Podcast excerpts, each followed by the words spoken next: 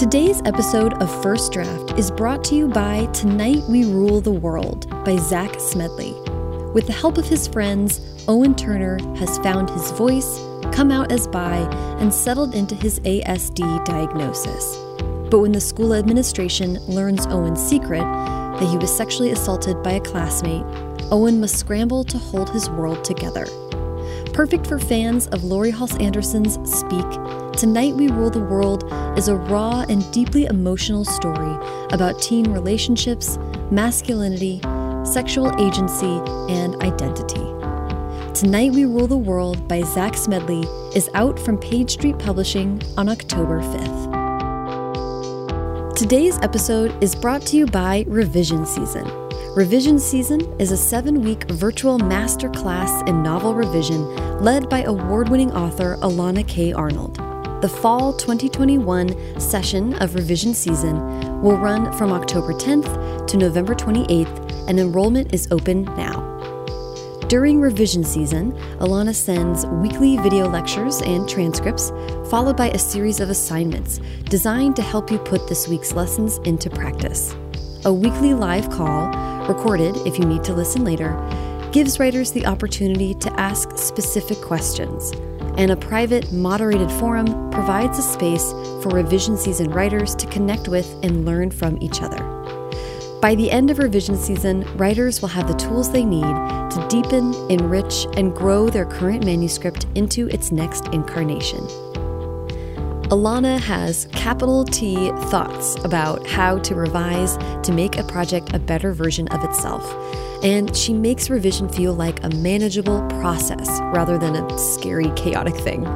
I cannot recommend revision season enough. Learn more and sign up for the Fall 2021 course, which begins October 10th at elanakarnold.com.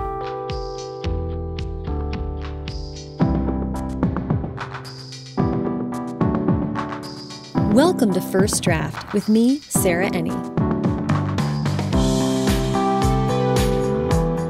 This week, I'm talking to Ayana Gray, debut author of Beasts of Prey. I so love this conversation with Ayana. I loved what she had to say about being the responsible oldest daughter who had to find a safe place in writing when all her life plans evaporated over the course of one college semester. On the trip to Ghana that changed her life and inspired her debut novel, and we talk about animals, the real ones that inspired Beasts of Prey, and the mythological ones she used to flesh out her imagined world. If you enjoy First Draft, there are a lot of ways you can support the show. Join the First Draft Patreon, where for 5 or $10 a month, you'll get access to an exclusive community forum, monthly video chats with me, 15% off all First Draft merch, and I'll give you a shout out at the top of an episode, like right now. Thanks to Christina King, Rachel Arzuega, Hallie Bertling, Tycho Bennett, Katie Stringham, Fernanda de Avila, Morgan Matson, Bryn Albrecht, Amy Ripley, and Redima Borua for joining the Patreon and supporting the show. If you want to skip all the hullabaloo and donate directly to the show on a one-time or recurring basis, you can do that at paypal.me slash firstdraftpod or donate via Venmo. The show is on there as at firstdraftpod. Shocking. The show notes for this and every episode are packed with great links to everything the guest and I talk about, and that's a great way to support the podcast too. First Draft is an affiliate of bookshop.org, so whenever you buy a book through a link on firstdraftpod.com, part of your purchase goes to support the show and goes to independent bookstores at no additional cost to you. While you're on the website, check out the shop to see all the First Draft merch. Every purchase of a sweatshirt, notebook, sticker, dad hat directly benefits the show. There are a ton of ways you can help out absolutely for free as well. Subscribe to the podcast on whatever app you're using to listen now, and leave a rating and review on Apple Podcasts. Ratings are awesome, but if you take the time to leave a review, I will read it in the end credits. And sign up for the First Draft newsletter to be sure you never miss an episode and to hear about news and upcoming events. Okay, now please sit back, relax, and enjoy my conversation with Ayana Gray. Hi, Ayana, how are you doing today? Hi, I am so well. ah, yay! I'm so excited to chat with you today. Um, I have, I just showed you beforehand, all just so many questions about Beast of Prey. So I'm really excited to get to that and get into how the story came to be. But first, as you know, I love to go back and learn a little bit more about my guests. So I would love to go all the way back and hear about where you were born and raised. Oh, okay. Um, I was born and raised in Atlanta, Georgia, and then I moved briefly, came back, and then we actually ended up moving to Little Rock, Arkansas when I was 13, unexpectedly, uh, for one of my parents' jobs. Oh. And so I did high school and college here in Little Rock, Arkansas. Um, so it's a weird thing now because I'm kind of from both places, even though I still say Atlanta. Yeah, yeah, it is an. Um, I also moved. You said you were moved at 13.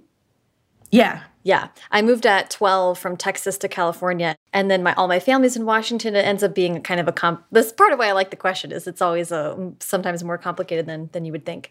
Are you in Little Rock right now? I am. Um, we just moved. My spouse and I just moved back from Gainesville, Florida, where I was for the last three years, back to Little Rock to actually be closer to my family, my nice. immediate family. That's awesome. Awesome. Well, I would love to hear about how reading and writing was a part of growing up for you, part of your childhood? It was intrinsic. It was just always there. I always joke that, you know, I, I'm a, I used to draw. That was my, my first love was drawing and visual art. And I would draw stories mm. and just staple the pages together and make books that way because I loved stories and books. And I would present them to like my grandmother or my mom and dad, and they wouldn't know what was happening. They would try to guess, and it frustrated me. Mm-hmm. And so mm. I just ended up like, I need words so people understand what I'm trying to say here. And then I started writing um, on the family gateway computer because I'm a millennial, like that grew up in the 90s and early 2000s and stuff. And so sort of got into it that way, keeping journals. I didn't write like real fan fiction, like taking real characters that existed and then writing into that. But I wrote stories that were almost exactly the same storyline, but my own friends and my characters. And I watched As Told by Ginger, um, which is a mm-hmm. like early 2000s Nickelodeon show about a girl mm-hmm. who loved to write. And so yeah, it was it was a huge part of my childhood, books, writing, all of it. And then I went to college thinking, okay, that was fun, but now I have to get a quote real job because mm-hmm. um, I grew up like pretty middle class, and my parents just always had this like, you need to have a job to support yourself as a woman. You need to be able to support yourself. So I went into college, you know, planning to be a lawyer because I have a pretty strong sense of what I of equality and justice. It means a lot to me. Um, and then midway through college was like, this is not for me. the US justice system is not always as, as clean cut as we like to think. And I was like, I don't really want to work in this field.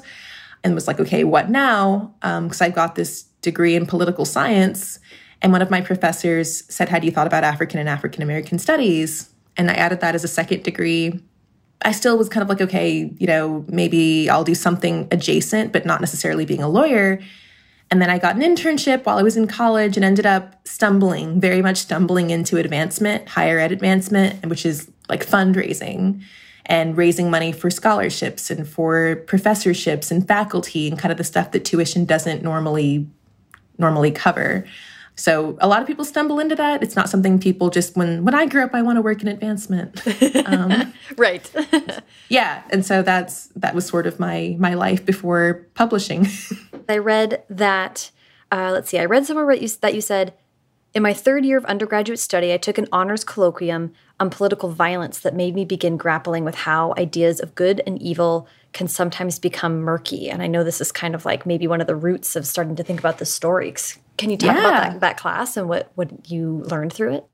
Yeah, so I sorry, I jumped way ahead of what you asked no, earlier. No, like the story of my life. Um, but yeah, right around the time I was like, okay, what am I going to do? I had a prof- another professor at college, Dr. Ryan, who was a poli sci teacher and knew that I really enjoyed political science. Even though I wasn't going to be a lawyer, he knew that I really enjoyed it. And it's really wild because he he teaches a course, or he, I don't know if he still does, but he taught a course at University of Arkansas called Political Violence. But it wasn't on the official register, like registrar Ooh. thing for mm -hmm. you couldn't sign up for it online. He actually picked 10 students for this class mm -hmm. himself, and it met once a week in a tower um, on Wednesdays for three oh. hours. So, like, we were part of this class and we'd get like some reading and we'd do the reading, and then the next week we would discuss. And we went in with all of our convictions. You know, we're college students, so we think we know it all. Mm-hmm. And he would just twist us and like absolutely turn us on our heads because, you know, we're sitting there like, of course this terrorist group is bad. And of course this person was evil. And of course this and that, and talking in absolutes. And then he would just say, well, were they? and make us kind of put ourselves in new perspectives and you realize that the villains and the heroes are are manipulated all the time based on who has power and who doesn't have power and I remember we used to walk out of that class, like we'd we'd start the class all chatty and la la la, and then at three hours later we'd all walk out in silence, like all of us are just thinking, thinking deeply. Yeah. Yeah. Um, and so yeah, but that class it really made me think about moral ambiguity, like the ambiguity and moral relativism. And I was like, I want to write about that. I want to write about a world where it's not quite as clear what's good and bad, mm -hmm. or maybe what's good and bad isn't what we think.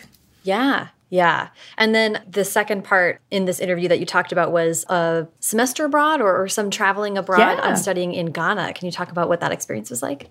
Yeah, so that class that I took was in fall 2013. And then just a few months later, as part of my other degree in African and African American studies, a group of us went to Ghana. And again, I just feel really, really lucky because I found some really cool professors. So normally when you study abroad, you find a sister school and you basically stay at the other campus and just like do an exchange. My professor, um, Dr. White, who led the program, he wanted us to have as authentic an experience as possible. So, not the polished, pretty, like privileged version. We went to Ghana, we flew into Accra, the capital.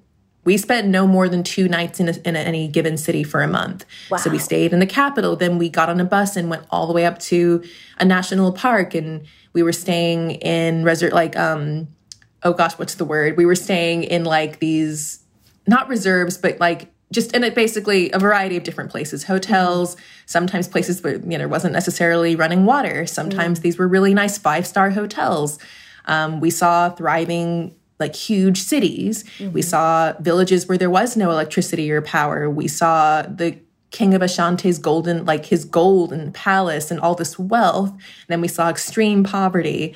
And we were tracing the transatlantic slave trade mm. because what a lot of people I, I think don't know is that African slaves were brought from all over the continent to parts of West Africa because that was the closest port to get to the Americas. Mm-hmm. So we were tracing that that route that still exists. We were also studying decolonization, since a lot of the heart of decolonization in Africa began in Western Africa. And we were also studying Pan Africanism, which is a political movement started, you know, to encourage unity among different African nations and ethnicities and people, and also, you know, people of the diaspora as well, which I am part of that. Um, so we were studying a whole lot of things in a short amount of time. It was a right. massive adventure, and I just I remember thinking of how magical it was and wanting to write a story that took place in a in a world that felt like that kind of magical. That's what I thought of when I heard you or read um, you talking about this trip was like how anytime you explore a world or a realm or a place unlike your own it adds to your imagination right and especially as a young person like studying this and getting like not only to be there but to know so much context about a place i was just like oh what a like fertile imagination expanding trip. I want to hear about how that fed into the story, but I want to just track um, had you been doing creative writing through college? Oh, yeah, I took I took one creative writing course in college and really enjoyed it, but again, I just didn't let myself imagine I'm the oldest in my family, so for me it's about being responsible and making the responsible choices. And I just didn't let myself think that th that was a tenable thing that I could use to pay the bills. So it was something I was going to do for fun as a catharsis as something I enjoyed, you know, in my free time, but I didn't think I could actually do it as a profession. And then I was also just writing for fun. Like I had the creative writing course, but then I also had a story that I was just messing with and it never went anywhere, but it was fun to work on. Yeah. Oh, I love uh, so there was like a consistency in the background of like this was a way of expressing yourself and um, yeah. So I'd love to hear, and we're kind of just like lightning fast getting to this, but I do, I do have so many questions about about your debut. So, um, you kind of have these really pivotal experiences in college and you're sort of like i can just put myself in that place of like your world's expanding. And of course for us creatives it's like how can i process this? How can i like you know incorporate this into my life? And for a lot of us that means imagining a world where we so can put these things into kind of a practice in our own way so how mm -hmm. did you like figure out i'm going to sit down and write what then became beast of prey Oh, um, through panic. through total panic. Um, because I, so again, like I'm the oldest, I, I've always had a plan and I like to have a plan. I like structure. I like routine. I like organization. So like in high school, I, I really was like, I'm going to be, and at the time I wanted to be an immigration lawyer. I wanted to work with people who were separate, like their families were separated. I had a plan mm -hmm. and that plan was this like almost 10 year plan unraveled in the course of like a semester or so. And mm. so I graduated from college and my friends, because I like to surround myself with people who are like me and think like me. So I have a lot of friends who are super ambitious and amazing people. Mm -hmm.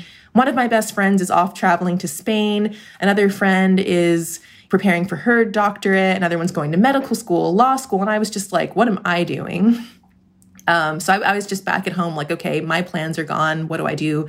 So in this sort of weird panic, I just started writing because it was the one thing I knew and had mm. control mm. over. Mm. And there were a lot of really good books that came out in 2015. So I had fodder, like I had a lot of really cool inspiration, but I just kind of retreated into it. And it was, it calmed me down. And it was, again, just something I could control in a life in your early 20s, post grad, when there's not much in your control and I didn't think anything was going to happen, but I was just having fun writing it. Um, yeah. And then over the years, it just slowly, slowly, slowly became a, story.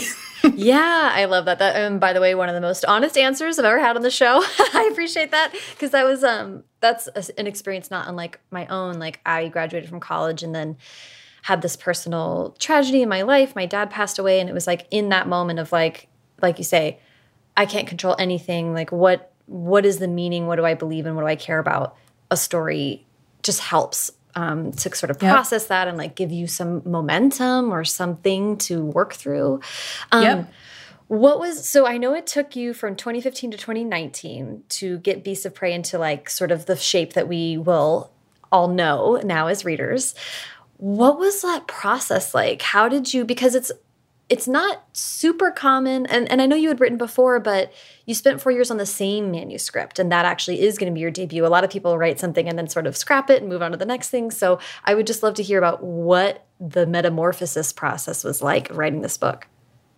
My editorial process is really nutty. My editor is really kind to tolerate it because I don't tweak, I just rewrite. You know, I'll write a draft and then she'll give me notes and then I will just rewrite it. I don't rewrite it like recreate it, but I start with a blank document and physically rewrite it over again wow. if I have the time yeah. because it's just the way I think. And so that's part of why it took so long is because mm -hmm. every time I'd get a new idea, I couldn't just stick the new idea into an old draft. Mm -hmm. I had to mm-hmm. completely redo it.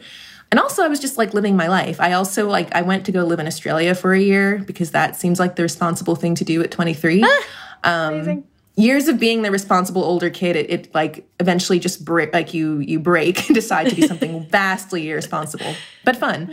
Um, so I, I went and lived abroad for a year. I did my I had my first like adult job that I was maneuvering through and just trying to figure myself out while I was writing. So like, another reason this book means a lot to me is because it grew up with me and it took it but it, and it took forever. I'm not a fast writer. And it changed. It changed vastly. And even after i signed with my literary agent um, pete knapp who's really editorial and has a wonderful eye for storycraft it changed again. And then when i got you know my book deal and worked with my editor stacey it changed again. So because i kept mm. rewriting it. So it's it's it's a little caterpillar. Yeah i love that. I that's so funny because that is that's my tendency also is to be like, well, like toss it out. You can always print it. You always have it. You can mm -hmm. like mm-hmm. cut or paste a sentence or two. But I really see it's not good or bad. Of course, everyone's process is just their process. But I'm like, I, I think it's an act of faith it's a little bit of a leap, right? Where you're just like, I got to just trust that I can start over again and just do it again and that it'll be better because I'll be more in this world and I have more thoughts and details about it. it so anyway, that that's my process too and it is like slow and intense and some people just like curl into a fetal position when they hear you say like you I, just toss it out and start over. I mean, I wish I could go into an old version and like I know that Scrivener specifically has that mm -hmm. option for you to change the color and you can see your and I've tried it, but it just doesn't it doesn't work for me when I'm doing big edits. Small edits, yes. Like yeah. like true yeah. revisions, I have to I'll have like the old version on my left and the left pane, and then mm. my new version, and I'm just typing as I look at it. I think it slows my mind down. It makes me mm. really think deliberately about what I'm saying and doing in a way that I couldn't if I was just skimming through an old draft, you know? Yes. So, yes. It works for me. Um, well, let's talk a little bit more about you brought in Pete and um, and actually selling the book, but I kind of want to talk about what it was that I think you so you've been writing it from 2015 mm -hmm. and I know you competed in I think that you competed in the 2019 DV pit. Yep. Um so tell me about that story and what it was like to like prepare yourself and, and jump in with DV pit then. Um so like everything's a story with me. um, I love it. but I I moved to Gainesville, Florida. I had no friends, nobody. I I was the first time in my life I moved somewhere and literally knew not a soul and it was kind of hard. It's hard to make friends in your 20s because you don't have school anymore and you don't have like a mm-hmm. built-in friend friend group or place to make friends. And so I found the writing community online, just specifically on Twitter. And it was so cool because suddenly I went from having no friends that were interested in what I was interested in, or very few, I should say, to having like suddenly lots and people who were into what I was into. And um, National Novel Writing Month NaNoWriMo was happening, and there were people who were doing it with me, who were encouraging me. Fall DV Pit was happening, and I was like, what's this?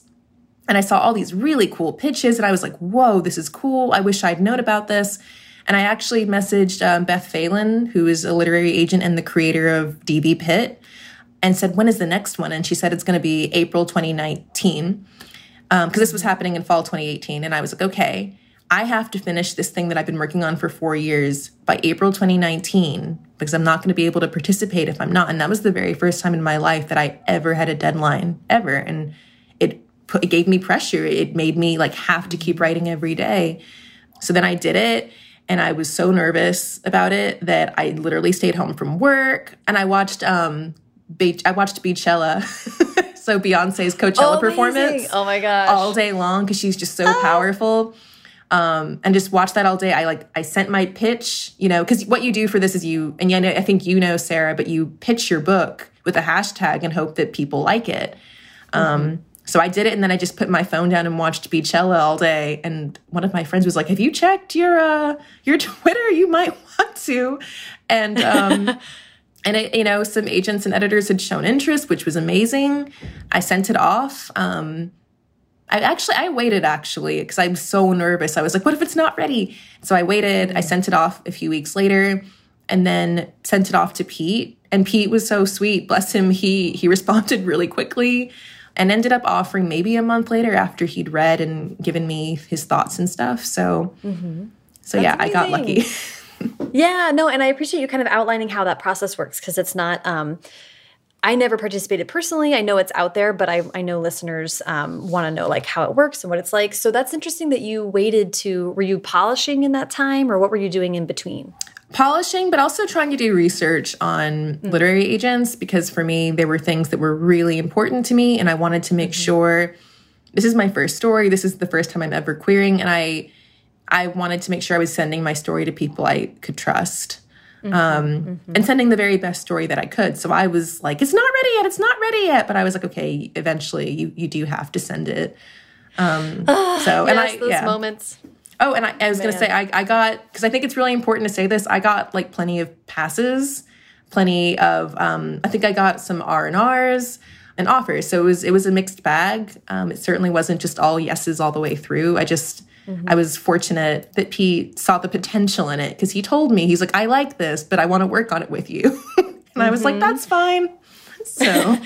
yeah, I appreciate you that, you saying that. That's really important too. And I love hearing that you were empowering yourself by doing your research. And, you know, I think it sort of breaks my heart when I hear stories of people who feel like, oh my gosh, anyone, whoever wants my story, like that, you know, know that you are the creator, that you have something that is desirable, like you do have like power in those, um, those those power dynamics in agent writer relationships can be tricky, um, but I'm glad that you took your time to know who you were going to work with.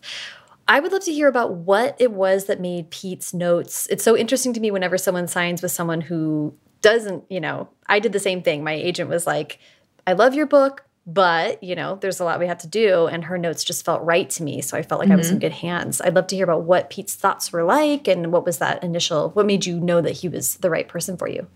I'm a researcher at heart. It's something I love to do, even for fun. And so when I was like figuring out, okay, traditional publication, you have to get a literary agent. And I know that some people are like, ugh, I just wanted to write and kind of be done. Whereas I was like, I get to do research. So I had charts. I had charts and spreadsheets. And I was like, okay, well, this person represented this author who I like their work. And this person recently said this. And I had a whole thing. And I remember mm -hmm. one of Pete's, um, it was a hashtag MSWL, so manuscript wish list, where he said something along the lines of, I, as a kid, he, told he said that as a kid, he really enjoyed like drawing maps of fantastical worlds. And I was like, I too liked doing this as a kid. and it was like this a kindred spirit. And you know, and I fortunately I knew some of his his current clients, um, like Maiya Ibrahim, and Zhao. And they had mm -hmm. spoken so highly of him and just talked about how he's a great agent, he's a great advocate, but he also just he genuinely loves stories and specifically children's literature when I started working with him, I remember he gave me a list of craft books and he said, You certainly don't have to read all of these, but if you're interested, here are some books on craft that I've found to be good. And those, some of them change, like, they were so good. And it, suddenly things clicked and made sense. And then I got to call him and say, Pete, what do you think of this? And mm -hmm. we, I mean, it really mirrored like a real editor author relationship, actually. Mm -hmm. um, and it was long, like, it was, it was several months, but I'm so happy that we did that because the story that I took out on sub to editors was way better than what I queried to him. How how long was that editorial process after you signed with him? Ooh, I signed with him in July. I got my edit letter in August. I got married that fall. um, oh my gosh! and also and also did pitch wars and also like just had life happening. So I mean that's what I mean. I was slow anyway, mm -hmm. but um, we went from so it was about it was a year. It was actually okay. an honest year because um, and then the pandemic happened the next in 2020. Right. Um, we went out on sub in July. So exactly a year. Wow, that's so wild. Let's hear about the actual sales story and then I'm going to have you pitch the book formally and we'll talk about the actual text a little bit more. But so you and Pete have worked together. You spend a year really polishing and making it ready for editors. Mm -hmm. What was that whole process like? Oh, it was a whirlwind. So originally, Pete was like, let's go on submission in the spring. And this is before the mm-hmm. pandemic really took off. So then, like, mm -hmm. obviously the pandemic happened and March, April, May was just, it was a mess. Yeah. And at one point, I was like, Pete, I don't think that anyone's going to want this book right now. Like, we know that creative industries are the first to suffer when the economy mm -hmm. tanks. And I'm like, I just think that no one's going to want this. And it was so sweet because not even three hours later, he called me and was like, Ayana, I believe in you. I believe in the story. We're gonna we're gonna sell it. You know, which I was like, okay. I still didn't believe him, but I was like, thanks. um, and uh, he said, you know, let's go for summer. And you know, there's this weird belief that summer is dead in publishing, and I don't know why that people say that. I, I know people are on vacation, but um, we we went out and like not July 1st, but early July. And I got really, really lucky a few days later. There was a publisher that wanted to take it to acquisitions, and then that kind of got the ball rolling. And I had, like, again, a spreadsheet, and I got to talk to, you know, it was kind of a, it went from zero to 100, speaking to editors. It was really, really hard because I'm a relationship person. So, like, I loved every single editor I talked to and was like, I want to pick everybody. Um, and Pete's like, you cannot, Ayana. Um, but I spoke to one editor, Stacey Barney, who just she got the references because there are some Easter eggs in Beasts to Prey, like historical references, and she got them. and she was excited and it was a really cool conversation and um to be honest we were we were planning to go to auction actually mm-hmm. and i was like okay we're gonna do it and then like pretty late at night penguin random house um or penguin specifically they preempted and it kind of all came together and we we decided to do it and it felt so good because that team like that entire penguin young readers team had been so genuinely enthusiastic. They had plans, they had ideas, and I was like, my book is. I told Stacey, I, I feel like my my words are safe with you. Um, like you're you're going to look after them as though they were your own, and mm-hmm. I've continued to feel that way. So it was. It's really funny how it took me four years to write, technically five, and then another year of editing with Pete. So it was this very long process, all for it to kind of culminate pretty quickly. Um, yeah. Yeah, things so, it's a yeah. hurry up and wait kind of business. yep. Okay. Let's talk about Beasts of Prey. I have so many questions. I'm so excited to talk about it. But let's begin by having you officially pitch this uh, this book and this series for us, please. Okay, so Beasts of Prey is a young adult, Pan African inspired fantasy novel, and it follows two black teenagers named Koffi and Ekon who form a very, very tentative alliance to venture into a magical jungle and hunt down a monster that has been menacing their city for nearly a hundred years. Mm. Ooh, good job. Thanks. You talk to us about the origin story and actually going to Ghana and talking about the murkiness of good and evil, but I'd love to just hear you talk about the very purposeful decision to make this a Pan African fantasy story. Yes. So I mentioned before that Pan Africanism is a real ideology and it was a political movement from the 60s, right around the time that many countries throughout the African continent were talking about considering and, in fact, actively decolonizing from European powers. And it was a movement that encouraged unity. So how do you how do you conquer a people? You divide them. You point out what makes them different. Mm-hmm. so pan-africanism was the answer to that like no let's focus on what we share. And also our theoretic kind of our brothers and sisters who are in the americas who were taken from this land they are part of us too. We are united in this. And so that was what that movement was about and there were several um, several leaders of the movement, several important figures in the movement. I've actually taken some of their names and put them into Beasts of Prey. The scholars that Ekon reads about in the library, some of them, uh, no, all of them are named after different leaders throughout the Pan African movement but also it's literally pan-african as pan-african inspired because this is a story where there's mythology and nods to different countries throughout africa. So western africa central southern eastern. The only area that probably is not referenced is northern africa but it's truly pan. Pan means all so it's a Pan African inspired story, and I'm African American, so I don't know exactly what part of Africa my ancestors came from. So it's my way of honoring the continent and all of the mm-hmm. people of the land. I love that. Yeah.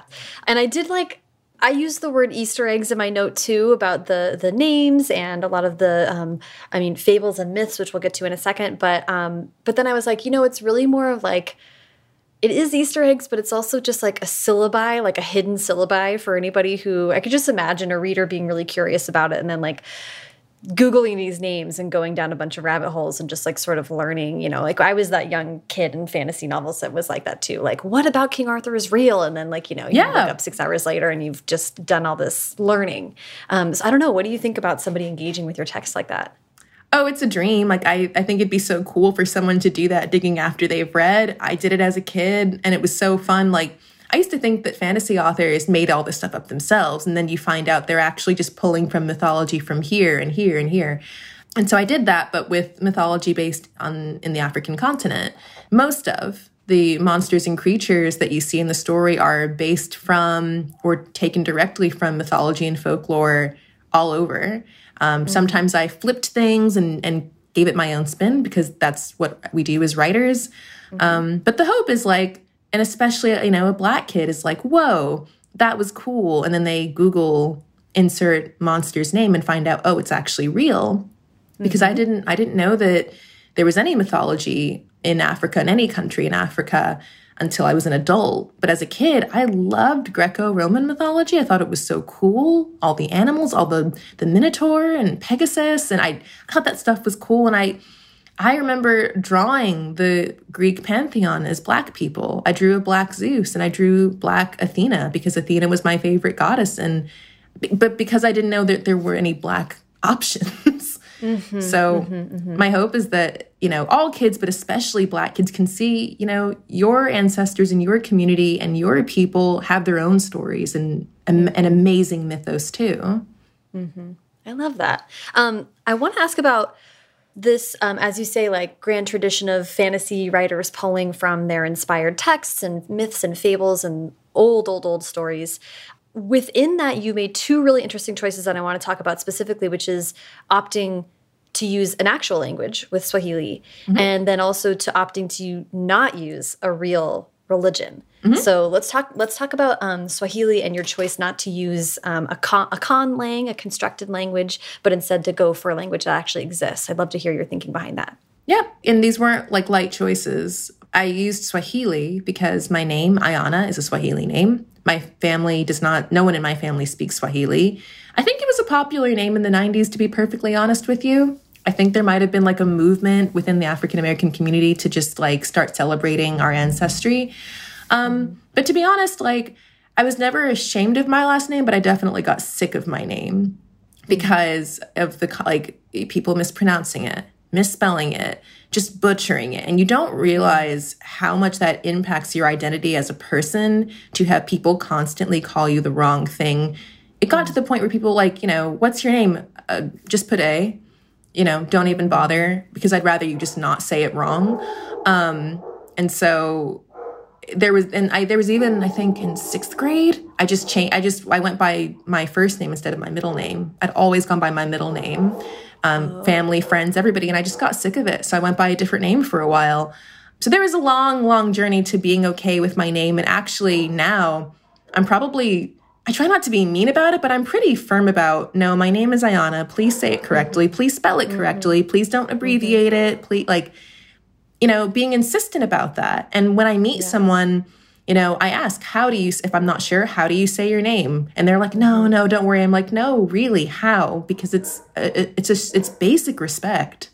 Um, mm-hmm. so sorry, getting off my soapbox yeah. to say, yeah. um, it was, a, it was a long journey to learn to love my name and, and embrace it. And as an extension of that, I wanted to embrace and, and celebrate the language that it comes from. Um, mm-hmm. Ayana means beautiful, beautiful or blossoming flower in Swahili. And so, and it's a, it's such a beautiful language. If you hear it, it's almost musical. I hadn't seen it in fantasy before. You know, we see lots of, we see other languages kind of twisted and, and borrowed from, but I hadn't mm-hmm. seen any language in Africa um, used before. So that's why I chose to do it with religion, I chose to totally make it up and not use a real religion. And this is a subjective opinion. Fantasy authors have different feelings here. But my thing was, um, you know, these are real faiths that people hold and cherish and that are quite meaningful. And I just, I didn't feel good about putting it in a fictional space. It's not fiction for, for the mm-hmm. people who ad, who adhere to it. They believe in it with all their hearts, and mm-hmm. that's a real that's part of the real world. So just out of respect, I chose not to. Yeah, yeah, I love that and that thinking because it's it is as you say. I mean, when you are creating a second world um, fantasy, you do have to think about, you know, part of world building is faith is such a huge part of it. I want to ask about choosing to, you created um, a constructed religion, the six gods of Az Azoa. Is that right? Ashoza, yeah. As Ashoza, okay. The six gods of Ashoza, you clearly like understand, like you, there's so much more than even what's on the page I can tell because of how it's discussed and all the ceremonies and rituals. Um, so this religion is like absolutely the, the the beating heart behind the world that you've created here. I'm just interested in what you as a creator were able to work through or interested in exploring through this constructed religion. Like it's such an opportunity to think about ritual and what that means to us in our daily lives? I think religion is fascinating and just what what you get people to believe in and, and how that impacts the choices they make. And I've seen so many fantasy authors who I admire take have really interesting takes on religion. One fun thing about Koffi and Ekon's world in Lkossa as a city and in Ashos as a continent is they actually worship the same gods, but in different ways. And so what does what does religion look like after, you know, for a persecuted people versus a, you know, people who have been dominant and maybe been the oppressors in some situations. And there's a moment where Ekon and Koffi are in a temple, and Koffi, who has never gotten to be in a temple, is like, this is all a lot of pomp and circumstance. And Ekon's almost offended because he's like, well, what do you do? And why don't you come? And she's like, I'm not allowed to come, Ekon, duh. And it stops to make him think, okay, my world is flawed. That's mm-hmm. part of Ekon's growth in the story is, you know, the world that he's he has these very rigid beliefs in right and wrong and learning to challenge them, which at 17, you should be challenging the world you live in and asking questions and asking why do we do things the certain way. So I just it's fun and I I love gods and goddesses interfering. That's just a favorite yes. thing of mine. I'm reading I'm reading Circe right now and just like loving it. So yes. lots of fodder oh, for yeah. me. you sort of brought this up a little bit earlier, but I want to kind of hone in on uh, the exploration of intergenerational trauma in this book as a narrative and, and mm -hmm. something that in their own specific ways all and we'll get to this too all three point of view characters because there are actually three um, are kind of exploring this and thinking about it in different ways in your author's note, you say, as I wrote and revised this story over the years, it became more than a creative outlet for me. It also became a device of catharsis, a chance for me to explore, reclaim, and celebrate a heritage that was violently erased as a consequence of transatlantic slavery. And I felt this like so specifically in, in Ekon's storyline, as you said, and not only his his exploring like in his lived life trauma and PTSD, but the intergenerational trauma that led to it and that has led to the formation of the world around him. But Ekon also is deconstructing the coping mechanisms and i mean so he, i felt through him like a lot of exploration about mental health mm -hmm. and how we sort of stay to wellness and how we have to break that down to further our development so i would just love to hear more about what it was like to get into his head and and deal with those really challenging topics Oh, well, like I'm always really touched when when people like read my words and I always feel very seen. And so thank you for that. Yeah, it, it was catharsis writing this. Some I mean I I cried and that's a weird thing because you're totally in control. So you in theory you make yourself cry. But that's the beauty of it. You're writing and thinking you're just telling a story, and then you write words and look back and reread them, and you're like, whoa, I just put myself very much into this. Um, I'm, I'm yeah. fortunate. So, you know, I haven't dealt with the loss of a parent. I'm very thankful not to have, not to have dealt with it, but I have dealt with loss. And I think more complicatedly, because at least in YA, I see a lot of, and this is not a, a mean critique, it's just an observation. When we talk about loss in the YA space, I see a lot of loss, and it's like I lost my sister, sibling, parent, someone who was great right? Mm. Like they were mm-hmm. perfect. And I, it's a profound tragedy that they're no longer here. Mm-hmm. And I think about, for example, my grandfather, who in my eyes is perfect. And it's terrible that he's not here because he mm-hmm. is perfect. It's easy to grieve somebody like that, right? It's a mm-hmm. lot harder to grieve somebody when they messed up, when they were not perfect, when you're maybe even you were mad at them and now they're gone so you have this anger but you feel guilty for being angry which makes you matter. it just it creates mm -hmm. such an emotional mess and i didn't see that getting talked about as much like when we talk about grief so with koffi and ekon i wanted them to explore that with ekon and mental health i the black community's relationship with talking about and acknowledging mental health it's mm -hmm. it's a um dire relationship. Getting better, getting much better, but historically has not been great. So I wanted to talk about, you know, ultimately a black boy, he is a child who's dealt with trauma and has not been allowed to even deal with trauma. And anytime he shows any kind of sign of grief or trauma or like a reaction, he's almost scolded for it. And you should, I, I hope that when people read it, they're like, that doesn't feel right because it's not right it's it's me kind of putting the things I want to see, the things I wish I didn't see in my mm-hmm. community onto the page and also things from from my life. I had some pretty traumatizing events. Fortunately not the loss like a, a death in my family, but some pretty traumatic events happened when I was a, you know, a teenager. And the way I coped with them was kind of like Ekon. I, I buried myself in work, and the things I could control, and just totally ignored what was happening and it ended up not actually helping me deal with the problem itself it just prolonged mm-hmm. that until i actually stopped and, and dealt with it so mm-hmm. yeah and he you know i'm i'm i'm feeling some parallels between ekon's sort of moment of you know he does i'm really trying not to spoil uh, in the conversation but there's in the vaguest possible terms he does get sort of this moment to to deal and cope and process that is like part of his journey but I'm relating what you what you said earlier about being the oldest kid and having this 10 year plan and then it being sort of like evaporated. Like that is so echoed in his storyline. And he's such a like, wait, we, I just, I had this whole map and now we're not yep. going the right way. And he, yep. I, and I love that because like, and see, I'm, I'm now married to somebody who's more like Koffi, whereas I'm more like Ekon. Mm. And there's, you know, there's a moment where again they have a plan. Ekon's like, right, this is the plan, and then Koffi's like, we're not doing that anymore, and he gets really mad.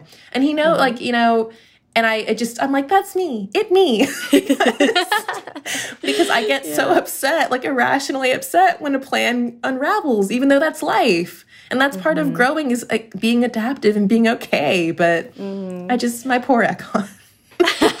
it's easier said than done. But he, but I, I do think to your point, there was really to me as someone who is like a huge advocate of therapy and and talking things through. I felt like there were some conversations had in the book that I was like, this feels familiar. Like this is very much like an on the couch conversation, and it was really sort of wonderful to see it on the page because it was like that's how growth happens is through conversations like that, which don't need to be in a therapist's office. They often are, but they can be with people who love each other. Yeah. Um, or who are growing to love each other I don't know. I do want to ask about how that ex is explored in in Koffi's story. The catharsis that I saw in her story is sort of heartbreakingly her innate again at the risk of being like you tell me if we've gone too far into spoiler territory but but there is some something special about Koffi that has been hidden from her for her own protection and we sort of get to explore explicitly how her growth and journey in discovering, understanding, feeling the generations that came before who, who before her who actually made make her what she is was so powerful. I would just love to hear about what that story was like, especially knowing, um, as you said, that the story is based on you're not you are not able to know yeah. many many generations. Um, so I'd just love to hear about what it was like to write that. Yeah. Ooh, I'm trying not to be spoilery too. I know. Um, yeah. Just just thinking about okay. So for example, like I you talk about the who would you love to have dinner with kind of mm. questions, and there are celebrities and of course you know people who I admire, but I um I told you I liked research, love mm. research. Mm. And a few years ago, I did my family tree as far back as I could go in every direction. Wow. Um, and I paid, like, I did a subscription and I paid to have access to census records and on every side maternal maternal maternal paternal paternal paternal etc i could only go back about six generations which mm. i shouldn't say only because some people can't even go back that far but each time there was a definitive stop and it was mm. always with slavery you know mm-hmm. and you realize like that's only into the 1800s african slaves were brought here as early as 1619 mm. so that's 200 years roughly or more of my family, like my family, and I don't know what happened to them. I found a record uh, of one of my ancestors in a sense. She was not, um, I think, I mean, her record was with the animals as considered part of the estate. Domestic servant was what she was called. They had lives, they had nicknames, they had jokes, they laughed, they cried, they had wants, they had personalities. Like these were real people and I will never know them. I will and that it hurts. It really hurts. And I'm always um not to get too heavy, but you know, I think about specifically those of my ancestors who were taken. And I'm always like the question that kind of eats at me. I think about them being put on ships and I don't know, I, I have this really, because I'm a writer and I think of stories, I think about them sailing away from the coast and watching it get smaller and smaller. And I wonder, did they know? Like, did they know that they were never coming home, that their kids were never going to get to see their home, that their grandkids and their great grandkids, and that, you know, 300 years later, the language that they speak and the food they grew up with and the things they they would never know and it just it eats at me and it, it's made me cry and be really angry So all of that's there. So I wanted to write a story, you know, where if I had the chance to sit down with my foremothers, these women who have been through so much, and just be with them, what would that be like? And so I wrote something like that in into Beasts of Prey and it made me feel better because I never, I'll never get to have that, but I got to write what I imagined it could be like. And I did it, and I was like, I was crying as I wrote it. And then I, I this kind of weight came off of me. Um, That's you know, incredible. really heavy. Yeah. Sorry. oh no, that's I mean, but I mean, not to be like yay, but like I I so appreciate you speaking to that because that is the power, as you and I both know, of as avid fantasy readers, like the power of these secondary worlds and and not our world is that it can be so much more real. Clearly, I was so moved by that in the book, so I couldn't not ask that question, even though we were dancing on the line of spoilers. Thank you for speaking to, um, to that, because that, that was just such a powerful part of the book. But speaking of how fantasy novels can sort of do a lot of this work for us and how kind of um, allegories or fables or these sort of skews on the world, mm -hmm. I want to use that as a way to talk about the animals in this book because, yes. Oh my gosh, it's so clear that you are an animal lover. yes. to, to start with, I want to talk about Shetani. Yeah. And I have got to ask about this real story that you share in the author's note about the ghost and the darkness. This is like ch a chilling story. I'd love to hear you tell it. Yes, so that's technically the third inspiration for Beasts of Prey, but I always feel like I need to like cut it down to the two. Um, so it's it was the story that happened where in Kenya and Uganda in the 1800s, they were trying to the British because colonization. We're trying to build a railroad to connect Kenya and Uganda for trade. And they set out and they hired a bunch of local and Indian actually workers to come work on it. And these two male lions were coming at night and killing the workers. And it was it was just everything about it was wrong because male lions, if you know you know uh, basic stuff about lions, male lions aren't supposed to hunt at all. They're really there to kind of just be the large protector. It's it's the female lionesses that hunt first of all. Mm-hmm. Second of all, male lions do not hunt together. They don't hang out together. It was just everything about it was odd. Lions don't typically go for humans on purpose. If they attack a human, it's because they came into the territory or some freak accident. These male lions, who were brothers, were hunting together and they were deliberately picking off humans and they were not necessarily eating them. They were just killing them. So it was blood sport. And they couldn't catch them like they could not catch these lions and this is a real story and so they had to bring in this guy. Funnily enough his name was remington like his last name was remington. Oh, um, interesting. and he came up with this like very art you know sophisticated way to catch these lions and kill them. And they're currently at i believe the chicago field museum and they've been studied and people have tried to figure out why were they doing it. And there are theories but no one's ever been able to conclusively say why they were doing that. And so i thought about the fear like lions in the dark is scary or lions in general are scary right but to know to be out like on the plains like you know east african plains at night and you can't see but you know there is something out there and you it just you don't know where it is or when it will come but it will come i just mm. thought about the fear that you know almost what you don't know is scarier than what you do mm-hmm. um and so that was i was like ooh this is up my alley um but also like the Crocodile Hunter. was one of my favorite shows as a kid. Animal Planet was my favorite channel as a kid. Mm-hmm. And I just thought, like, you know, animals are something that I think are cool, and especially the animals that people often write off as dangerous and bad, when actually they're not bad at all. They're cool. Komodo dragons are cool. I stand by that. I had a Komodo dragon poster in my bedroom for the longest time because I was like, these are really cool creatures.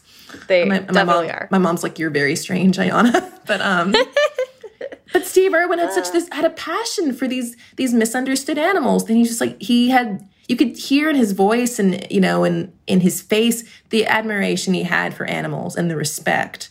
And that that, you know, deep it was a deep um it had a huge impact on me. And so I'm like, you know, when I'm, if I'm going to write a fantasy story, there have to be animals. There have to be both, you know, in the the night zoo where the story begins, Koffi is now she's there as an indentured servant. That part's not cool, but she does have a kind of cool job. She's working with these magical creatures, larger than life, amazing creatures, and she's sort of indifferent, like, ugh, this again. I just, yeah, I wrote what I thought what I thought was cool. Like little Ayana would have been so excited about that kind of story.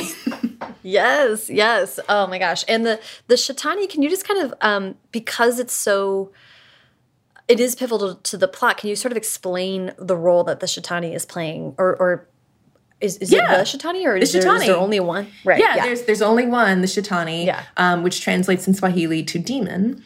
And it's again that kind of going back to the the ghost in the darkness but that's i think we didn't say the ghost in the darkness are the names that the um, local workers gave to these lions one was a ghost one was the darkness yeah um, so chilling such yeah. great names so, yeah I, I just i love the lore of it. Um, but thinking about again like people don't people no one has ever seen the Shetani it's this it's this monster that comes at night and it kills people and it leaves them at the edge of the jungle and it doesn't so it's not eating them. It's just mm-hmm. killing them and leaving them in a horrible like you know grisly state for people to find the next morning. And at this point it's been going on for 99 years. People have just said okay it's it's going to come. And so you can imagine the stress and the tension and the fear that that would create in a, in a society like that. Mm-hmm. Um, I just, I mean, I'm horrible, but I thought this sounds fun. um, again, and like I thought about describing the Shetani, saying uh, a few people have seen it, but I think no, it's more fun that no one has seen it. Um, yeah. And that's part of Ekon and Koffi both having to get over, like, you know, are they going to see it? And then what do we do when we find it? Because no one, no one's ever gotten to.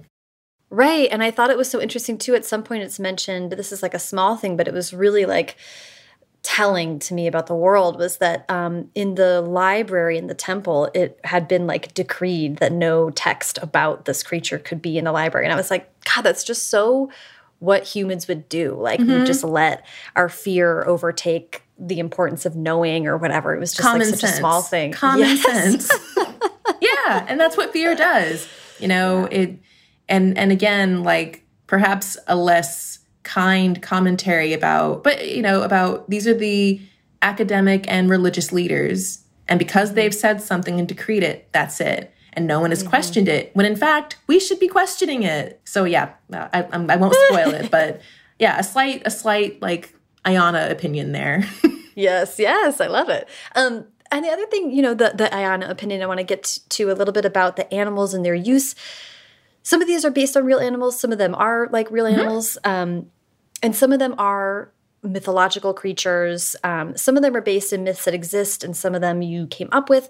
I would just love to hear like what you think using animals and creatures enables you to do as an author that you sort of can't really get at with human characters. It seemed to me like it was really doing a lot for you in the story. Oh, yay. I think and I'm saying this like as somebody who's watched lots of Animal Planet, as somebody who has a golden doodle puppy.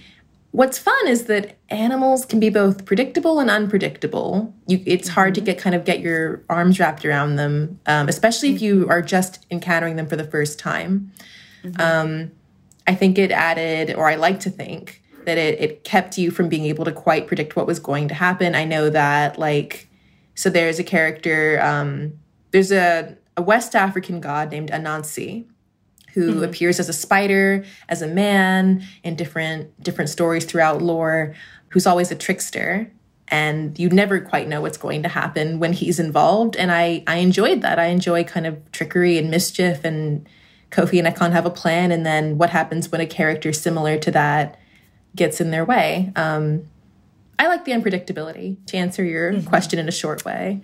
Yeah, yeah, I like that. And and animals also seem like such they're such ciphers, right? I mean, some of these animals in your story can like speak and make their intent known, but but in other times you really have to just sort of listen and pay attention and use these other senses as opposed to us relying on talking so much of the time. I think that's what I was sort of sensing too is like you can know so much about a character based on how they're interacting with these animals or what they want to do with these animals or what they think the animal like wants for them or anyway it was just i was like oh this is so um it made me feel like it was underdeveloped in other fantasy worlds so i was like okay oh. i'm going to keep that in the back of my mind as a reader going forward and and as a you know if I ever write fantasy. Like this is an important and really useful thing to it's, have in your back pocket as a writer. It's fun and also, I mean, as again, I'm probably putting like my opinions into it, but not judging by appearance because what seems dangerous may not be and what seems perfectly fine may not be. Um, you never know. Yes. um, you sold Beasts of Prey as a trilogy. I would mm -hmm. love to hear book two and three. What to what extent had they been developed? Did you have to give synopsis before you sold? What state is it now? This is the thing I've never done. I'm so like intimidated even imagining it. What what is what are you? What's your headspace going into this next two books? So I know that uh, every agent and every editor does it a little bit differently. Again, Pete is a story person, and I knew that, and I wanted that in a literary agent.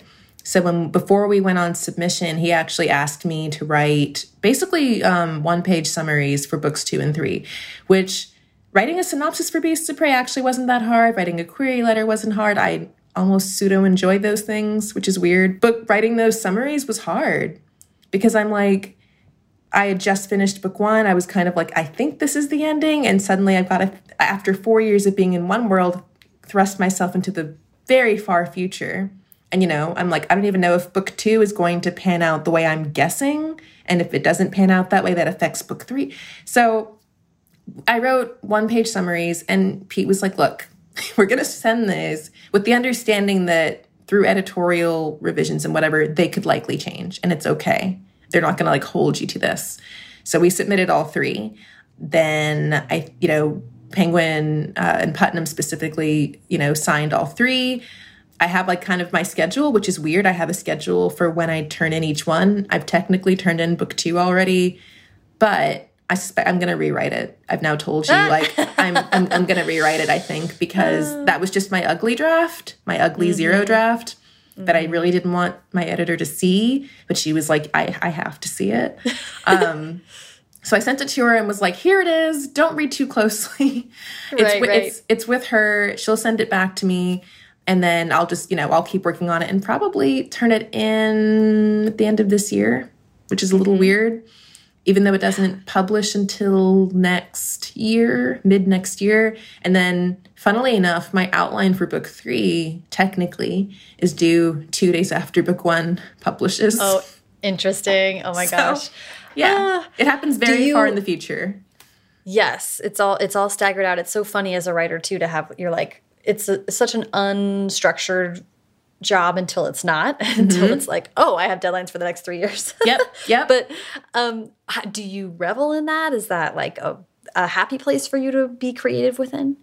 It's hard it's hard. And by no by no one's fault other than my own because i put pressure on myself. Again i'm super lucky. Stacey has been like ayana your your words are safe with me as always. Like don't worry. I'm not gonna like rip this apart but i'm ripping it apart in my head and um this is the first time I wrote on a deadline, like a real contracted deadline that I couldn't. I mean, I can be flexible with it, but in my mind, I was like, it's on a paper. I signed it. I have to keep to that. So that part's hard. But on the other hand, like I, I was writing Beasts of Prey, and I had to like encourage myself because I was like, nobody's waiting to read this at the end. Like you just have to write it for yourself. Whereas now, I'm writing for myself, but I also know that there are people who are going to read it. So that's a bit of inspiration too. And also, I'm like, okay, I did this once under much harder circumstances in a lot of ways.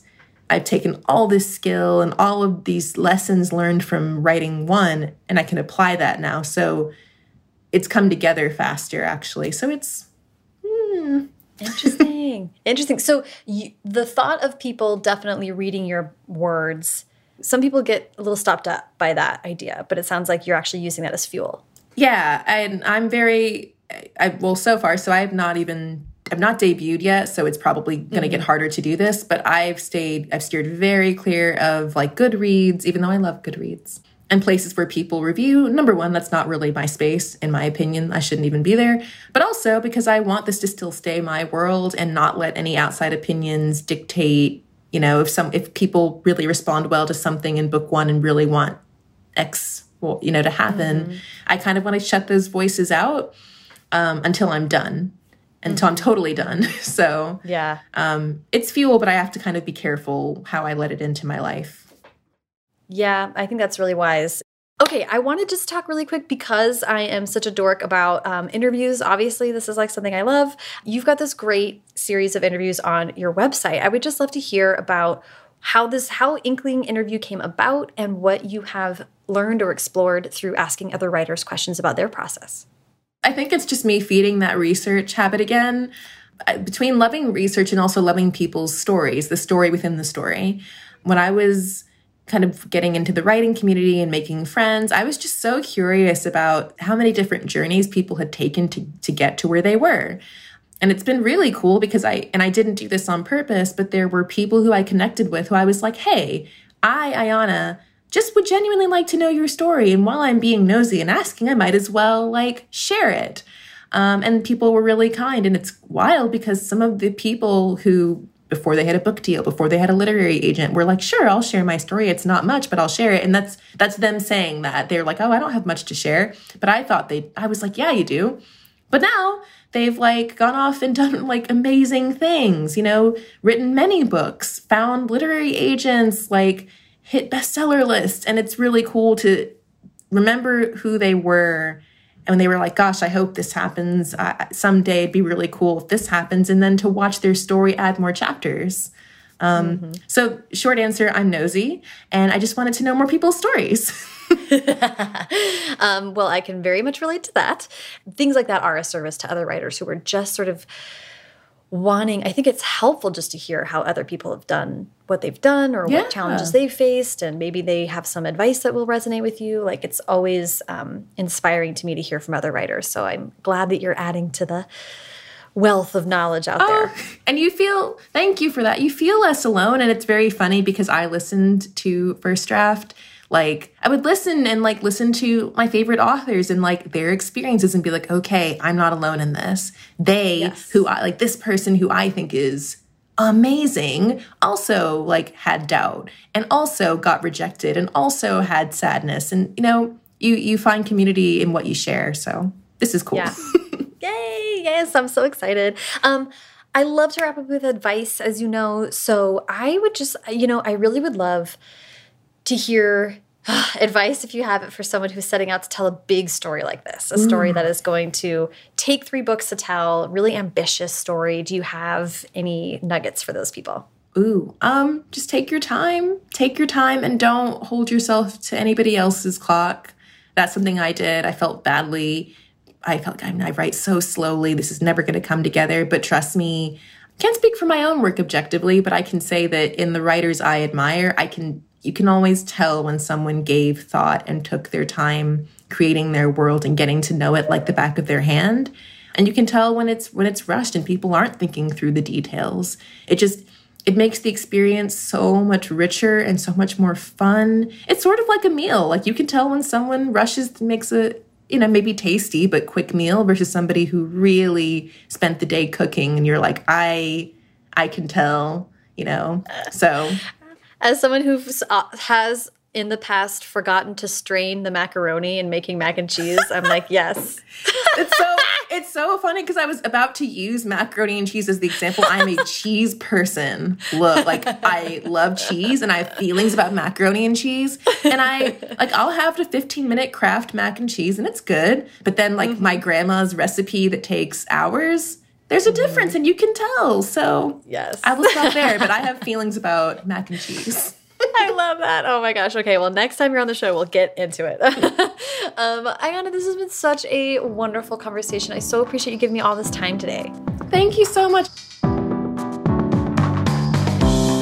Thank you so much to Ayana. Follow her on Twitter at Ayana Gray and on Instagram at Ayana Gray underscore. Follow me on both at Sarah Enni and the show at First Draft Pod. First Draft is produced by me, Sarah Enni. Today's episode was produced and sound designed by Callie Wright. The theme music is by Dan Bailey, and the logo was designed by Colin Keith. Thanks to social media director Jennifer Nkosi and transcriptionist at large Julie Anderson. And as ever, thanks to you, Ghosts in the Darkness, for listening.